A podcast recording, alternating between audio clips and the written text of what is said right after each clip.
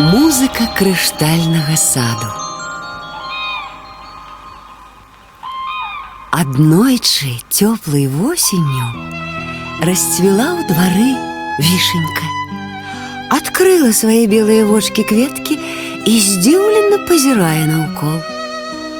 А празрыста стылае неба азываецца да вішенькі жураўліным курлыканнем, развітальна махаюць крыламі чароды птушак, адлятаючы ў выры, здзіўлена пазіраюць на святло белай кветені залатыя клёны. Самы маладзенькі з іх, страсянуўшы чупрынай, схапіў за рукаў ветер. Слухай, дружа, зрабі ласку, перадай той бяляначцы пісьмо.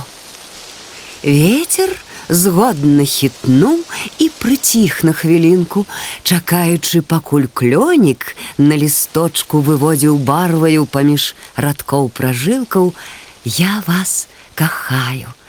Пасля ветер ціха, як уздыхнуў, хукнуў, і кляновы лісток апынуўся ля вішенькі.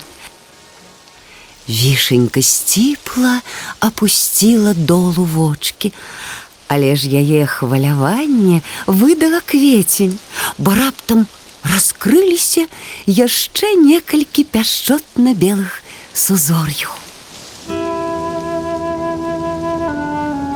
З дрэў амаль апала лістота. Яны ўжо не хваляцца адно перад адным кучаровымі чубамі, а плацяць зямлі спрадвечную даніну, засцілаючы яе залатымі світкамі са сваіх плячэй, каб не застыла ўзімку. І самае прыгожае сярод восеньскіх дрэў клёны, а сярод іх той маладзенькі, што даслаў вішаньцы ліст. Яна ў поты кідае позіркі на яго, і сэрцайка яе соладка замірае. А клёнік за кароткі час звёўся зусім. Хваляванне хвалямі б'е па ім, вымушаючы запунцавець і золата і нешматлікую зелень яго лісткоў. Я ажанюся з ёй, задзірыста абвяшчае ён сваім старэйшым сваякам, якія растуць поплеч. Але ты пярэчыць не думаюць. Хоць вішенька і не іх роду дрэўца, але такой незямной прыгажосці. Закіпела падрыхтоўка да вяселля. Тут ужо галоўным распарадчыкам і выканаўцам задуманага у адной асобе быў абраны ветер. Моцны, хуткі, да таго ж па ўсім свеце лётае, бачыць многа. Адпаведна, найлепшым чынам можа арганізаваць і свята.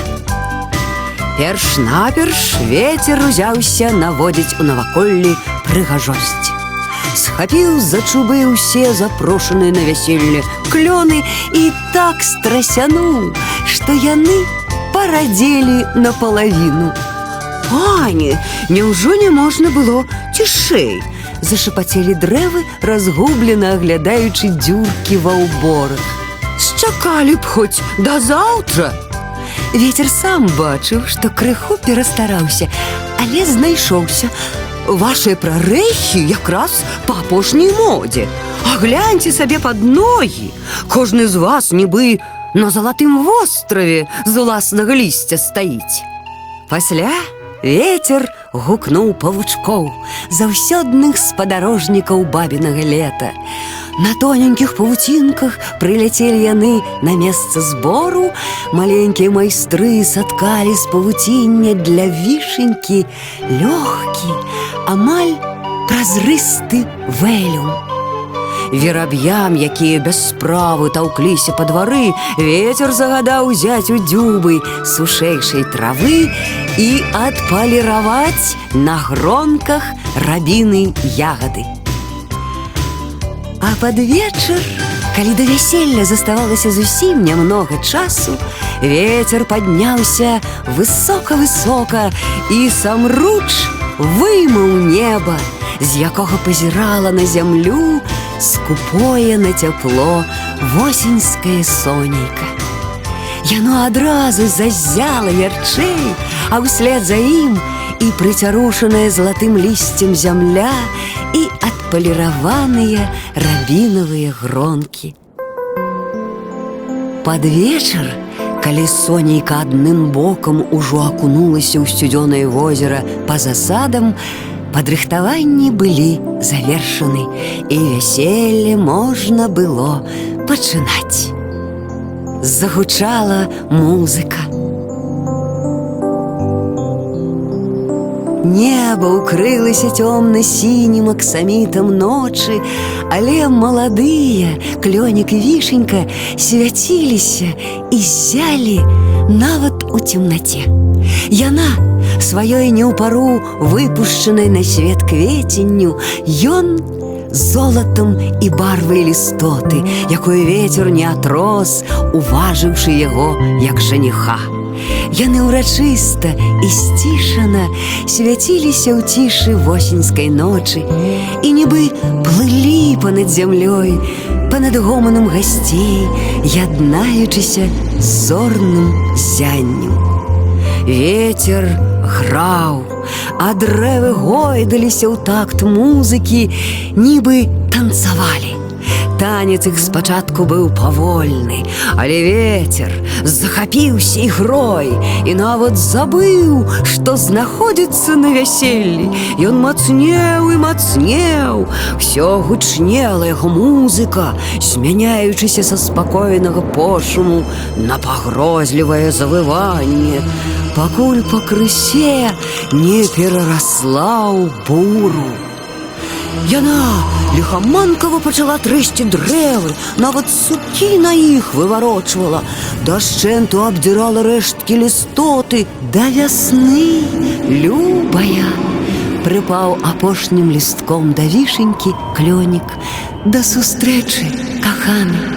Асыпалася лёгкім снегам на яго голле сарваная вішнёвая квецень. І шчаслівыя яны заснулі на ўсю зіму.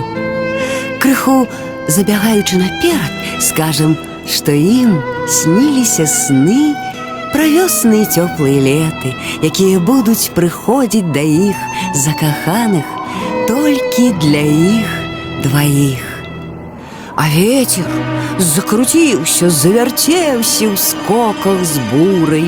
Спачатку нагнаў дажджу, а пасля дзьмухнуў з поўначы, ціскануў мароз, наваколле, залітае дажджом, заледзянела ў міг і ператварылася ў крыштальнае.